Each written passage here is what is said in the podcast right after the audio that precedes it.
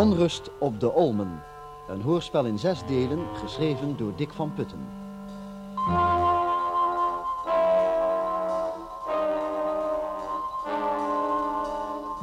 Vierde deel, De man zonder pink.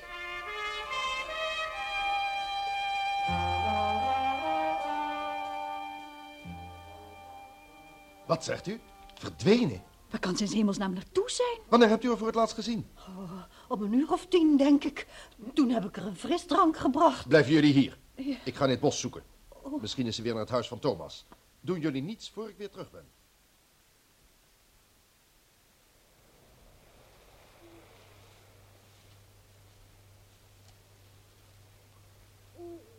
Tante Helen! Tante Helen! Voor alle zekerheid zal ik maar een paar schoten lossen.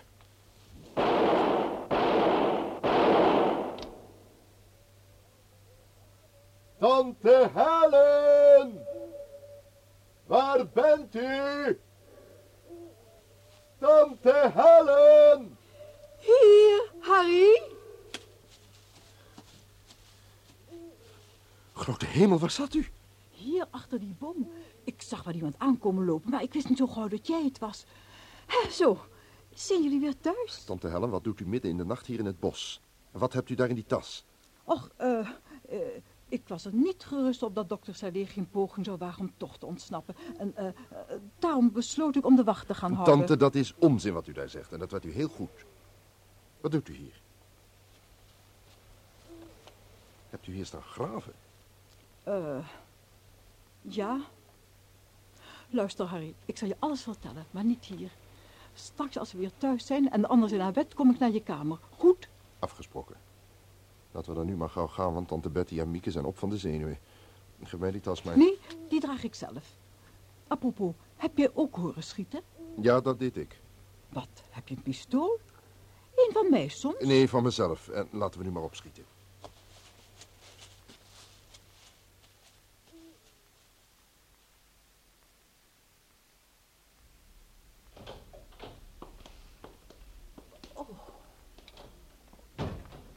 Zo, dag Mieke, dag kind. Fijn dat je er weer bent. Heb je geamuseerd vanavond? Helen, waar ben je in hemelsnaam geweest? Oh, ik heb in doodsangst gezeten. Waarom? Ik, eh, ik had er alleen behoefte aan om nog even een wandelingetje te maken. Met die boodschappentas? Hè? Ja, dat is eigenlijk wel vreemd nou je het zegt. En kijk eens, je hebt hele vuile handen. Oh, dat komt omdat ik gevallen ben, snap je? Nou, ik, ik ga me wat opfrissen en dan ga ik meteen naar bed, hoor. Wel te rusten allemaal. Nou, begrijpen jullie er iets van? Nee. Ik vind wel dat er de laatste tijd vreemde dingen gebeuren. Misschien vertelt ze ons morgenochtend wel wat ze heeft uitgesproken. Ik geloof dat we maar het beste ervoor weer kunnen volgen en ook gaan slapen. Morgen zien we wel weer. Harry, ik ben het.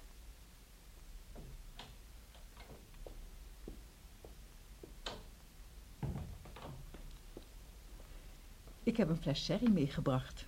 Als u van plan er een feestje van te maken. Maar van praten krijg je dorst. En ik vrees dat ik heel wat zou moeten praten.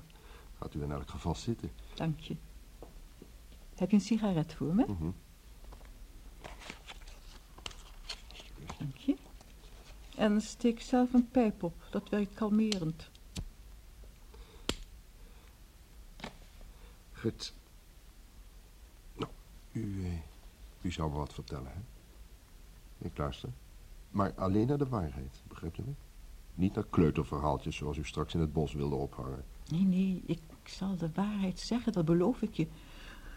De situatie heeft zich nu al zo ontwikkeld dat ik hulp nodig heb. En daarom zal ik je in vertrouwen nemen. Ik ben benieuwd. Vanmiddag vroeg je me waarom ik plotseling zo stil was geworden. Herinner je je dat nog? Jawel. Je had gelijk. En dat kwam omdat er toen iets is voorgevallen... waardoor ik een totaal andere kijk kreeg op de gebeurtenissen. Gaat u wel? Nou, schenk jij dan eerst een glas sherry in. voordat dat gebeurd was, geloofde ik zonder meer aan de schuld van dokter Salé wat de moord op Thomas betrof. Die letters SSE op de kant, die bedreiging die hij geuit had en het gevonden pistool waren voor mij onweerlegbare bewijzen. Totdat? Totdat de inspecteur vanmiddag vertelde dat er in het graf van de hond van Thomas was gegraven. Het verband is me nog steeds niet duidelijk. Nee, dat zal wel. Ik, ik heb je al gezegd dat ons huis tijdens de oorlog door de Duitsers was gevorderd. Door de SS. De hond van Thomas is in dat tijd door een SS-officier doodgeschoten. Alleen de Duitsers, ja die SS'ers die hier toen woonden, konden dus weten wat er onder die steen begraven lag. Is dat duidelijk? Ja, ja, ja. Tot zover kan ik u volgen. Toen de inspecteur dat vanmiddag dus vertelde, ja, over dat omwoelde hondengraf bedoel ik, zag ik plotseling het verband met die bloedletters op de kant in het huis van Thomas. SSE had hij erop geschreven. Maar hij bedoelde daar niet mee Simon Serlet, zoals ik veronderstelde. Nee, hij bedoelde daarmee duidelijk te willen maken dat hij was neergeschoten door een SS'er. Nou, kijk je daar niet van op? Niet zo erg.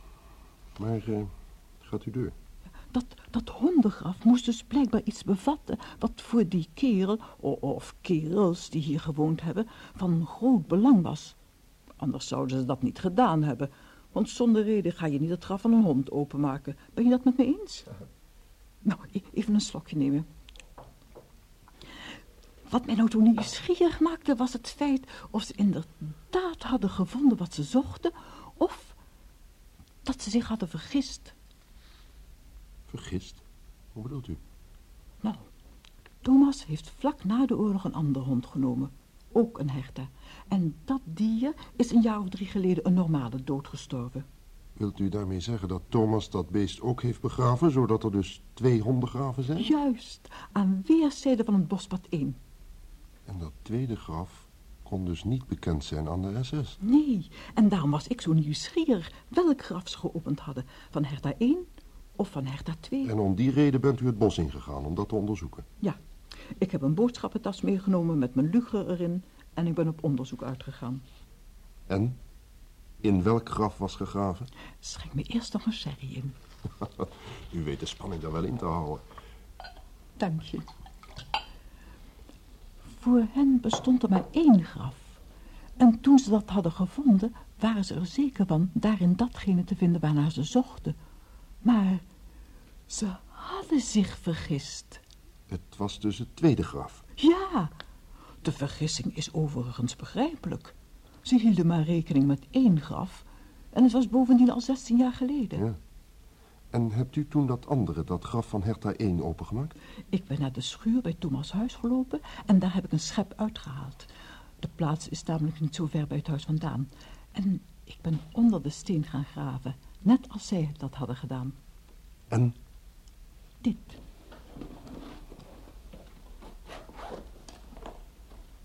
Ongeveer een halve meter diepte stootte ik hierop. Allemachtig. Dat is een stuk looie pijp. Centimeter of veertig, schat ik. Kijk, de uiteinden zijn dichtgeslagen. Ja, de man die dit heeft begraven heeft zijn verstand gebruikt. Lood is bestendig tegen alle weersinvloeden. Hebt u al gekeken wat erin zit? Nee, ik heb er nog geen gelegenheid voor gehad en eerlijk gezegd durf ik niet goed. Daarom kom ik bij jou. Wacht, dan zal ik even een mes pakken. Nou, dan, dan leg ik de krant op tafel, want het ding zit nog onder het zand. Kijk eens, wat heb je daar voor een eng groot mes? In elk geval stevig genoeg voor ons doel. Zo, eens kijken. Ja. Alsjeblieft. En nu? Grote hemel. Dat, dat lijken, dat, dat lijken wel diamanten. Neem maar gerust aan dat het zo is. De diamanten van Salomonson. Wat zeg je? Oh, oh, niets bijzonders. Ik denk dat hier zo ongeveer voor een miljoen op tafel ligt. Een miljoen? Ongetwijfeld. Ik kan me nu indenken dat de heren voor zo'n sommetje bereid waren enig risico te lopen. Dus jij gelooft ook dat het voormalige SS'ers zijn geweest die Thomas hebben vermoord? Daar heb ik vanaf de aanvang geen ogenblik aan getwijfeld. Ik wist dat Thomas met letters op de krant niet dokter Serlet bedoelde, maar zoals u zelf ook al hebt ontdekt, zijn SS-moordenaars. Maar hoe weet je... Ik wist dat Thomas door SS'ers was vermoord, maar het motief was me onbekend. En dat motief, dat ligt nu voor ons. Ik kan met vrij grote zekerheid vaststellen hoe het in zijn werk is gegaan. Wat zeg je? Ja. Vrijdagmiddag liep Thomas in het bos en ontmoette daar twee mannen. Naar alle waarschijnlijkheid heeft hij minstens één van hen herkend doordat hij zijn linkerpink miste. Hij herkende hem als een SS-man die tijdens de oorlog hier in huis verbleef. Grote genade. Maar, Maar we kunnen aannemen dat die SS'er heeft gemerkt dat hij werd herkend. Er bleef dus maar één middel over voor de heren. Thomas moest uit de weg geruimd worden.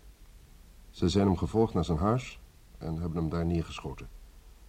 Daarna hebben ze dat graf geopend, maar om nu duidelijke redenen vonden ze niets en zijn verdwenen.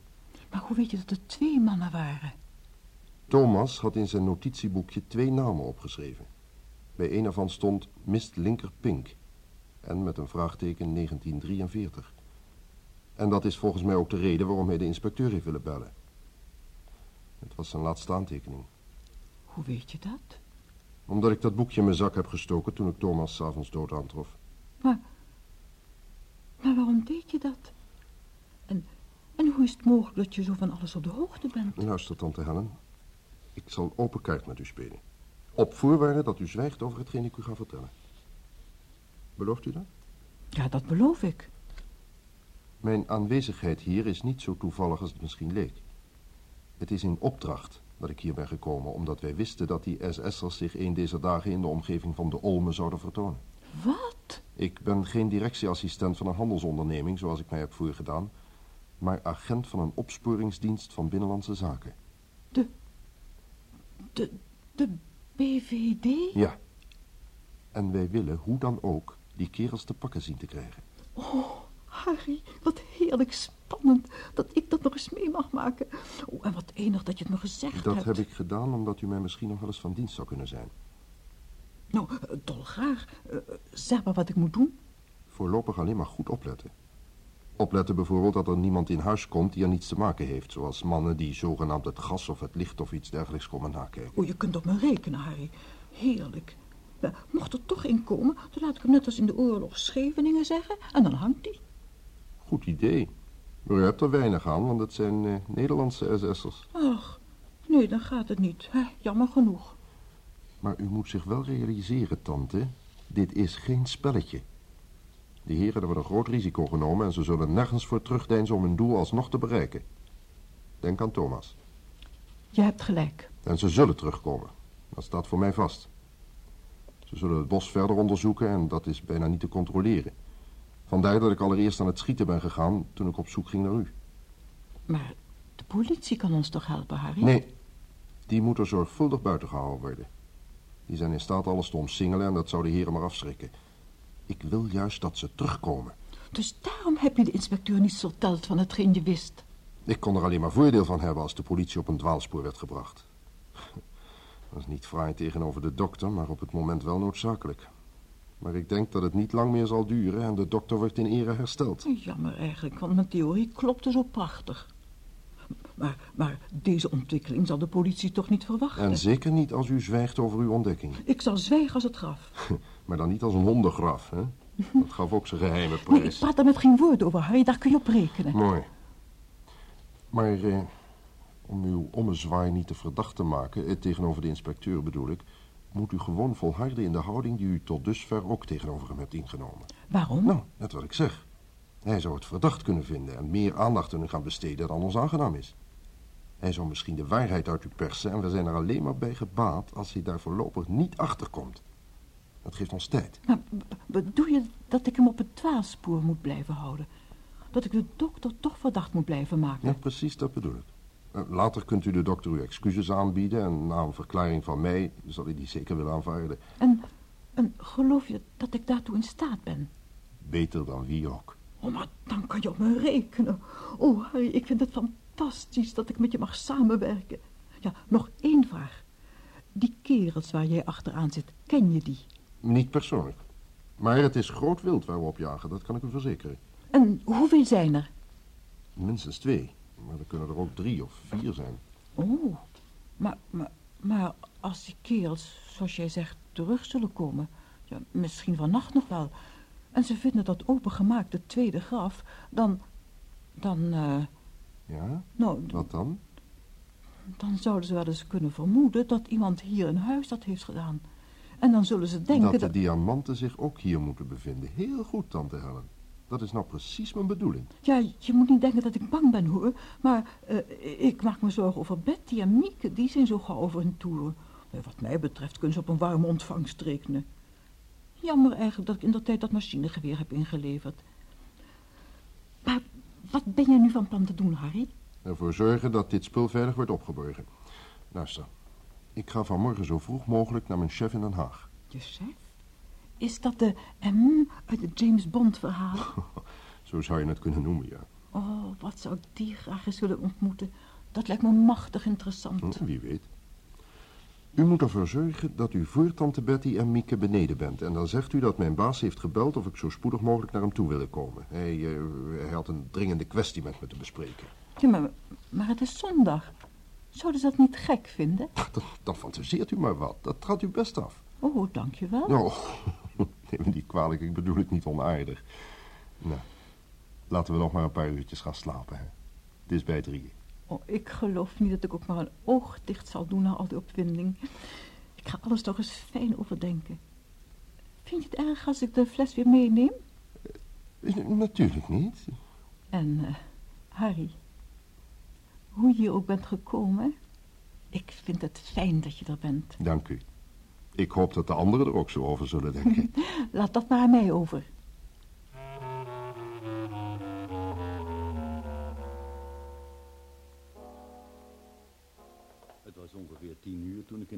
Kwam.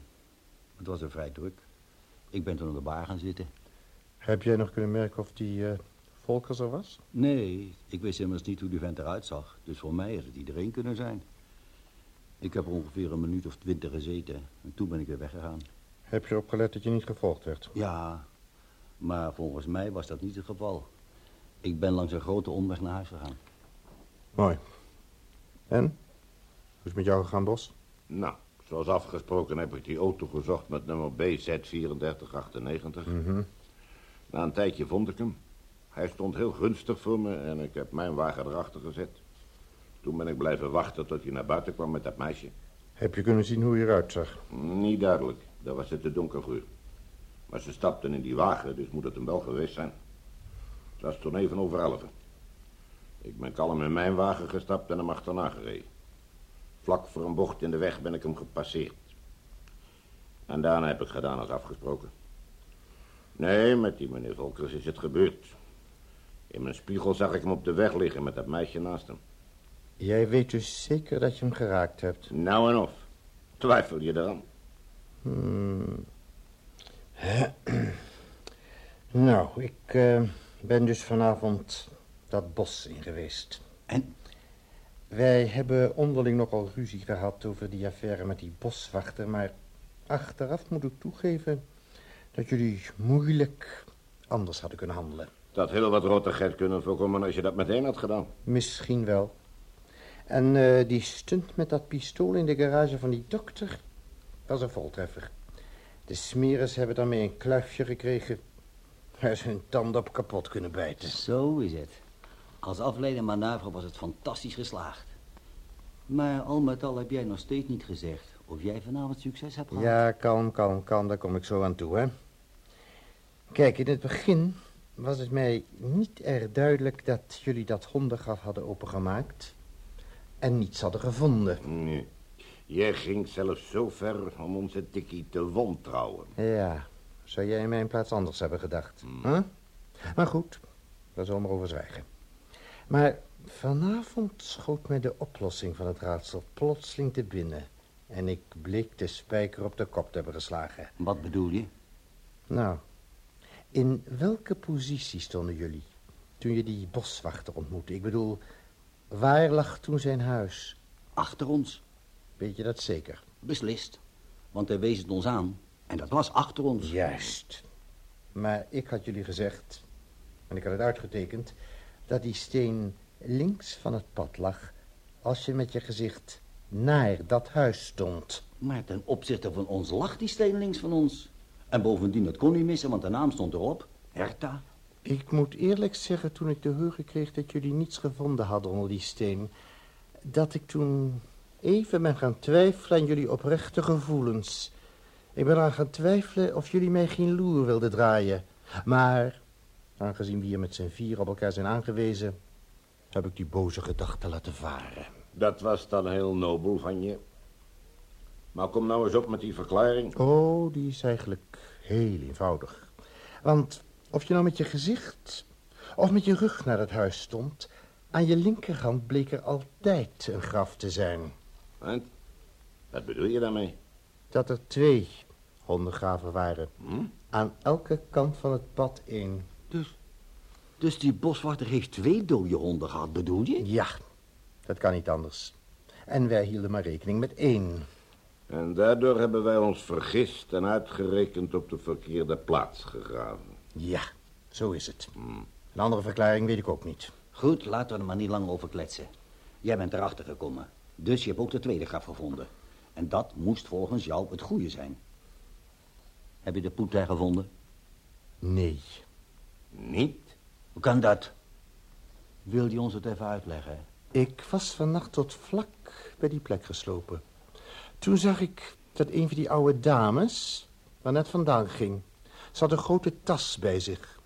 Stond nog een schep bij de steen, dus ik begreep direct dat ze daar had gegraven. Wat? Ik sloop achter haar aan om haar de tas afhandig te maken... toen ik plotseling hoorde schieten en er een vent kwam aanhollen. Hij riep Tante Helen en zij noemde hem Harry. Harry? Die volkers heette Harry. Maar dat kan hem nooit geweest zijn. Want om die tijd was hier lang de pijp uit. Daarom twijfelde ik er net zo. Want hoe verklaar jij dat dan? Dat, eh, dat zou ik niet weten. Had je ze niet overhoop kunnen schieten? Nee, daar was het te donker voor. Bovendien was hij ook bewapend. Dus als ik goed begrijp, dan is al onze moeite voor niks geweest. En is die buiten in de buurt van Volkers? Of die tante? Ja, zo is het. Wij zullen iets anders moeten bedenken om het spul in handen te krijgen. En denk jij nou heus, Arends, dat ik jouw verhaaltje geloof? Een oude juffrouw die midden in de nacht in het bos gaat graven en er iets waarvan ze bestaan niet kan weten?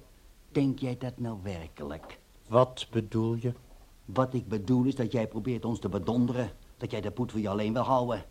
Maar dat zal je niet lukken. Gelijke delen hebben we afgesproken. Ik doe er een eet op dat het gegaan is zoals ik gezegd heb. Een eet, laat me niet lachen. Een eet is voor jou evenveel als voor ons. We zijn elkaar gewaard, Arends, maar het zal je niet lukken om ons buitenspel te zetten. Maar daar is geen sprake van. Als ik de bedoeling had gehad om de buit voor mezelf te houden...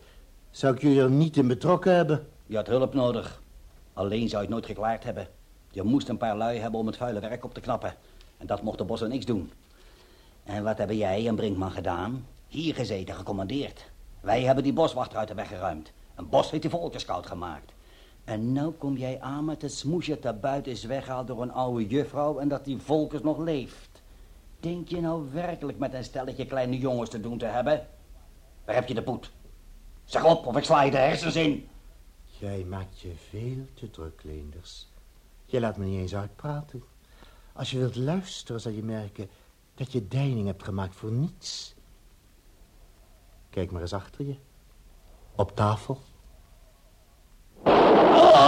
Nou, Ben jij soms ook zo ongelovig, Bos? Zeg het dan maar direct. nee. Nee, ik, eh, ik geloof je. Het is heel verstandig. En ik bezweer je dat het is gegaan zoals ik gezegd heb. Het verwijt van Leenders is onzin. Als wij de poet gevonden hadden, was nu de beurt aan Brinkman gekomen. En wat het commanderen betreft, één moet er de baas zijn. En dat ben ik. Ik had van tevoren berekend dat er vier man nodig waren voor dit karwei. Als het met minder had gekund, zou ik het zeker niet gelaten hebben. Spijt me voor Leenders, maar we moeten elkaar in deze omstandigheden kunnen vertrouwen. We hebben elkaar veel te hard nodig. Hij was onbruikbaar voor ons geworden. Ja. Dus, eh, dus jij denkt dat die diamanten nu ergens in dat huis zijn? Dat weet ik wel zeker. En al zal de laatste steen boven komen, krijgen zal ik ze. Daarvoor hebben we al die risico's genomen. Ik heb een plan.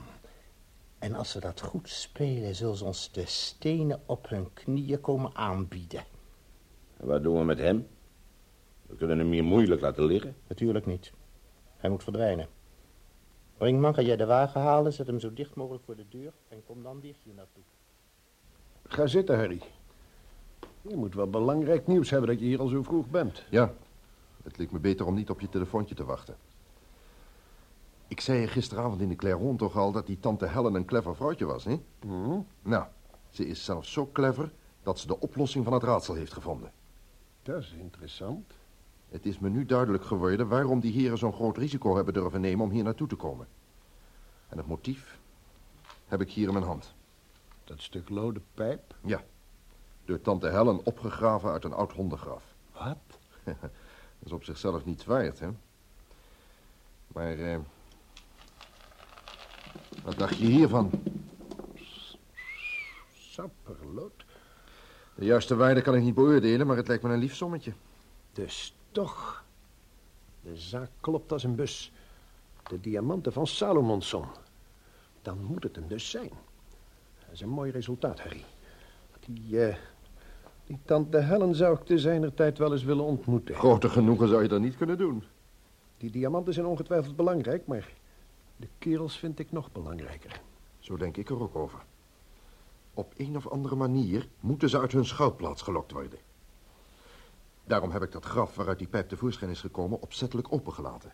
Hmm. Ze zullen dus merken dat ze zich vergist hebben... en dat een ander ze voor is geweest. Juist. En die ander kan alleen maar iemand zijn van de Olmen.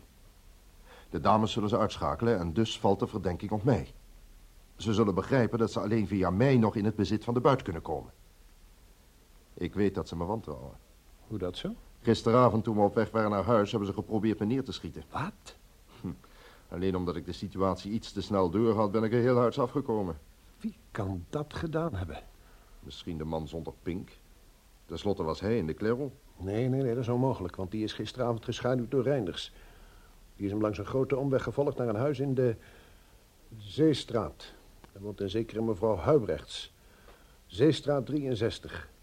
Haar man blijkt op de grote vaart te zitten en ze is geen beroepsverhuurster. Zeestraat 63. Het adres van de man zonder pink. Nou, dat is er tenminste één. En we schieten er weinig mee op als we hem alleen te pakken nemen. En bovendien, hij is niet de baas. En juist die wil ik in handen hebben. Natuurlijk. Ik vraag me toch af hoe ze erachter zijn gekomen dat jij gisteren in de Clairon was. Iemand moet het geweten hebben dat je daar naartoe ging. Of iemand moet je hebben herkend. Dat lijkt me haast uitgesloten. En voorlopig is het voor mij ook nog een raadsel. Heb je... Heb je al aan die dokter gedacht? Die kent je. Hij weet hoe je eruit ziet. Het is niet onmogelijk dat hij door de bende onder druk is gezet. Het is de moeite van het overwegen waard. Ik ga nu terug naar de Olmen. Ik heb zo'n idee dat de volgende actie van de heren niet lang zal uitblijven. Daarom zou ik je het volgende willen voorstellen. Misschien kan jij ervoor zorgen. Goedemorgen, tante Helen. Bent u als eerste beneden? Ja, dat hadden we toch afgesproken? Afgesproken, wat bedoelt u? Nou, dat ik, eh, eh, dat ik voor het ontbijt zou zorgen. Hoe heb je het gisteren gehad met Harry Mieke? Was het gezellig? Oh, reusachtig. Ik heb me in tijden niet zo geamuseerd. Ja, dat zal wel. Hij lijkt me heel charmant te kunnen zijn voor een meisje. En hij danst verrukkelijk.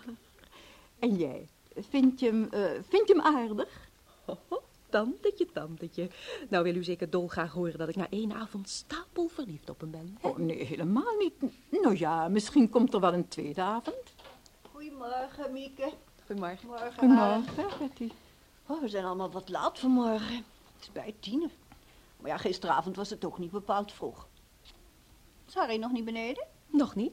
Oh, dat vergeet ik jullie bijna te zeggen. Harry was al beneden, maar hij is weggegaan. Weggegaan? Waarheen? Hij zei me dat zijn baas had gebeld of hij direct naar Den Haag wilde komen. Op zondag? Wat vreemd. Dan heeft zijn baas zeker nooit gehoord van een vrij weekend. Ja, Harry vertelde nog dat hij een telegram had ontvangen van een belangrijke relatie... en dat hij de zaak met hem door wilde praten. Nou ja, niks aan te doen. Het zal wel nodig zijn. Heeft hij ook gezegd hoe laat hij weer terugkwam? Nou, eh, zo spoedig mogelijk, zei hij. Nou, ga je maar aan tafel gaan. Misschien dat jij ons dan intussen kan vertellen, Helen, wat jij vannacht in het bos hebt uitgespookt. Ach, niets bijzonders eigenlijk. Nee, want u zei toch dat u zo'n behoefte had aan een wandelingetje, niet waar? En in die tas had u natuurlijk een boterhammetje meegenomen voor het geval u onderweg honger zou krijgen. Jullie geloven me toch niet, dus zal ik het maar vertellen. Ik was bang dat dokter Salé toch zou proberen vandoor te gaan, ondanks zijn belofte. En daarom besloot ik zijn huis in de gaten te houden. Helen, ik begrijp jou niet. Zelfs de inspecteur begint te twijfelen aan de schuld van de dokter, maar jij blijft maar doorgaan met je lichtvaardige verdacht maken. Nou, en ik begrijp jou niet. Het lijkt erachter wel of je me in bescherming wilt nemen. Nou, zo sympathiek vond je hem toch ook niet, is het Daar wel? heb je gelijk in, maar na deze affaire ben ik hem misschien anders gaan zien. Ik geloof pertinent in zijn onschuld. Nou, nou, nog mooier. Hoe kan je dat in hemelsnaam maar zeggen? Gebruik je hersens nu eens. In de eerste plaats... Tante Stoe. Gaat u nou alstublieft onderling geen ruzie maken. De situatie is al onverkwikkelijk genoeg. Laten we eens hemelsnaam ons verstand gebruiken. Je hebt gelijk, Mieke. Ik liet me te veel gaan. Helen, neem me niet kwalijk dat ik zo onbillijk was. Oh nee, ditmaal was het mijn schuld. Ik ben natuurlijk weer begonnen. Ja, ik kan me nou nooit voldoende beheersen. Neem me maar niet kwalijk, Betty. Nee, ditmaal had jij volkomen gelijk, Helen. Ik had jou... Oh, geen sprake van. Ik had wijzer moeten zijn. Jij had volkomen gelijk toen je ik zei... zeg toch dat jij gelijk had? En ik zeg je dat jij gelijk hebt. Dan hebben jullie dus allebei gelijk. Afgesproken? Ja. Ja. Oh, we lijken wel een stel kibbelende schoolmeisjes. Weet je wat jullie moesten doen na het ontbijt? Gezellig een wandeling gaan maken. Goed idee. Voel jij iets voor een wandeling door het bos, Mieke? Oh ja. Nee, nee, niet door het bos. Eh, Dat is nou veel te gevaarlijk. Waarom? Als jij er s s'nachts in loopt, mogen wij toch wel op klaarlichte dag? Ja, en toch heb ik liever dat jullie het niet doen. Eh, ga gezellig koffie drinken op, op het dorpsplein. Gaat u dan niet mee? Nee, eh, nee, ik heb nog wat te doen. Maar gaan jullie gerust? Ja? Goedemorgen, dames. Goedemorgen. Neemt u mij niet kwalijk, juffrouw Mieke. U was nog niet beneden en toen belde de heer Volkers voor u. Ik ben zo vrij geweest de boodschap aan te nemen. En wat was er, Gerard? Ik heb het opgeschreven. De heer Volkers laat vragen of u zo spoedig mogelijk naar Den Haag wilt komen. Hij zal daar tot half twaalf op u wachten, in Hotel Centraal. Dat was alles. Dankjewel, Gerard. Half twaalf. Grote hemel, ik moet me nog helemaal opknappen. Hotel Centraal? Waarom zou je daar met je afspreken? Misschien gaat hij daar lunchen met zijn baas en eh, wil hij jou daar graag bij hebben. Als ik opschiet, haal ik het nog wel. Jammer van de wandeling, tante, maar eh, we houden het te goed. Nou, ik voel er niks voor om alleen weg te gaan. Dan blijf ik maar thuis. Nou, ik, ik weet het goed gemaakt. Eh, wat ik moest doen, kan ik best even uitstellen. Dan drinken we hier samen koffie op het terras.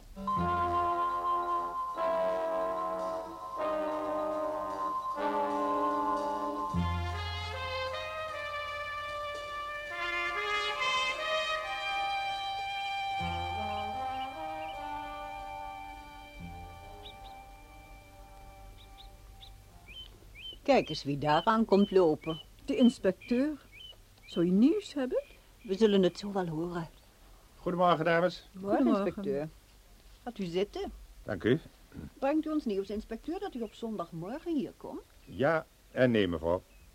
Nee, als u mij vraagt of de zaak is opgelost. En ja, als u mij zou vragen of er nog nieuwe aanwijzingen zijn. Oh, u maakt ons nieuwsgierig, inspecteur. Is eh, meneer Volkers niet aanwezig? Nee, die is er niet. Oh. Weet u ook waar hij wel is? Waarom wilt u dat weten? Wilt u hem spreken? Nee, dat niet. Hij is naar zijn directie in Den Haag. Vanmorgen kreeg hij een telefoontje. Op zondag? Vreemd, vindt u niet? Waarom? U werkt toch ook op zondag? Ik neem tenminste wel aan dat u geen koffiepraatje komt maken. Hoe lang kent u meneer Volkers eigenlijk al? Nou, van, vanaf vrijdagmiddag.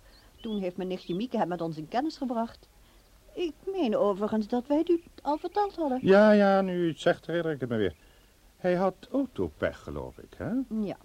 En sinds zijn komst zijn hier die wonderlijke dingen gebeurd. Ja, wat bedoelt u daarmee? Waarom bent u plotseling zo nieuwsgierig naar meneer Volkers? Dat zal ik u zeggen, mevrouw. Omdat het gedrag van de heer Volkers mij alle reden geeft tot nieuwsgierigheid.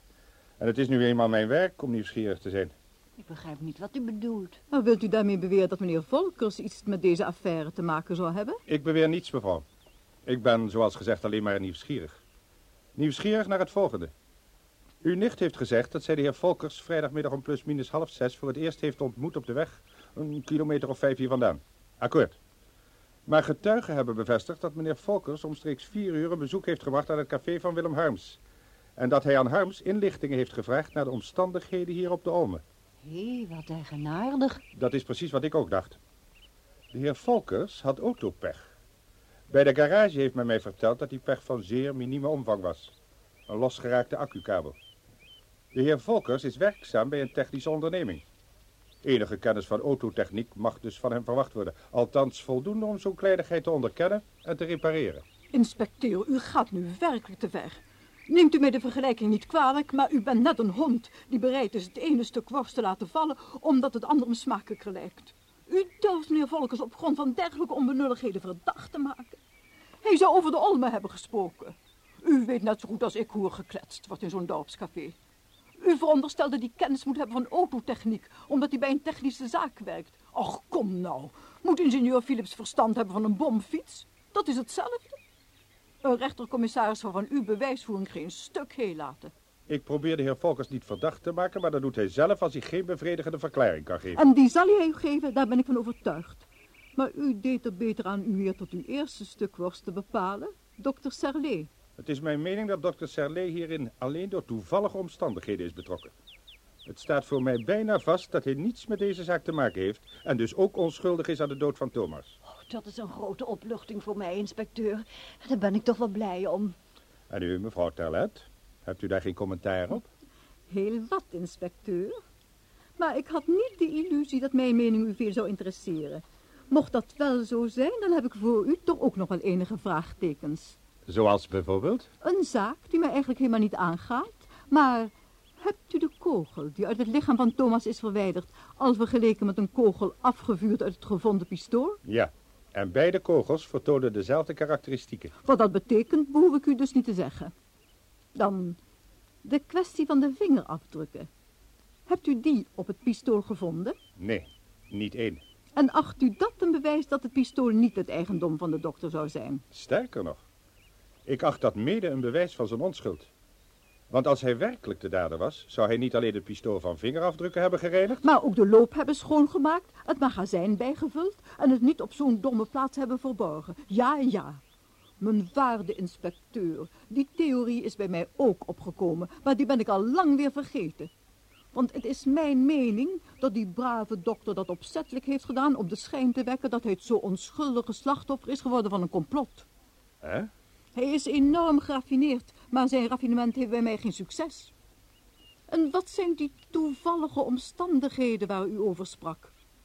De bedreiging die hij hier heeft geuit, is dat een toevallige omstandigheid? Die bloederige letters op die krant, is dat ook een toevallige omstandigheid? Ik, eh, ik moet bekennen dat dat laatste voor mij ook nog een raadsel is. En u hoeft mij natuurlijk niet te antwoorden, maar waarop baseert u verder zijn onschuld? Op, uh, op zijn persoon. Hij is een kort aangebonden man, dat weet ik. Maar hij is arts. En het doden van een mens is volkomen in strijd met de ethiek van zijn beroep. Wat fraai gezegd. Ooit gehoord van dokter Krippen, inspecteur? Of van onze eigen dokter O? Daar gaat u met uw ethiek. Het spijt me, maar ik kan het nog steeds niet met u eens zijn. Mijn enige troost is dat u hebt gezegd bijna in zijn onschuld te geloven. Ik geef toe, er zijn nog veel raadsels. En langzamerhand krijg ik het vermoeden dat er achter deze zaak veel meer schuilt dan ik aanvankelijk dacht. Maar een bijzondere vondst heeft die mening bij mij versterkt. Een vondst? Wat bedoelt u daarmee?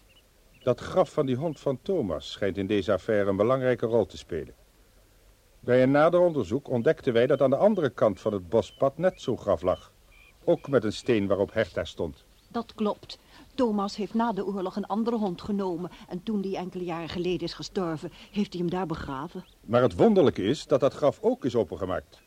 En wel nog maar zeer kort geleden. De schep stond er zelfs nog bij. Ach, dat is natuurlijk het werk van qua jongens geweest. Welk weldenkend mens gaat er nou in het graf van een hond graven? En toen wij dat eerste graf nog eens wat nader onderzochten... bleek dat het nu over een veel groter oppervlak was opengemaakt... dan bij het eerste onderzoek het geval was. Hé, hey, wat vreemd. Dat vonden wij ook. Wij zijn dus ook aan het graven gegaan. En wij vonden niet het kadaver van een hond, maar wel het lijk van een man. Wat zegt u? Een man van plusminus 55 jaar, gekleed in een licht grijs kostuum. Hij bleek ook vermoord. Doodgeschoten door een 9 mm pistool of revolver. Ontzettend. En, en weet u ook wie het was? Nog niet. Papieren had hij niet bij zich. Alle kledingmerken waren zorgvuldig uit het kostuum verwijderd. Maar één kenmerk heeft de moordenaar niet kunnen wegwerken. En wat was dat? De man miste zijn linkerpink.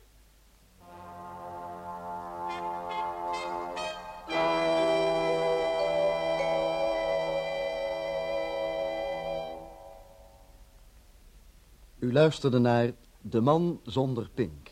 Het vierde deel van Onrust op de Olmen. Een hoorspel in zes delen, geschreven door Dick van Putten.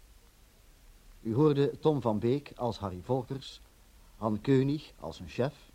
Georgette Rejewski, tante Helen. Eva Jansen, tante Betty. Els Buitendijk, Mieke Terlet. Harry Bronk was Gerard de Huisknecht. Willy Ruis, inspecteur Visser. Rob Gerards, Bos. Maarten Kaptein, Leenders en Paul Deen, Arends. De regie had Dick van Putten.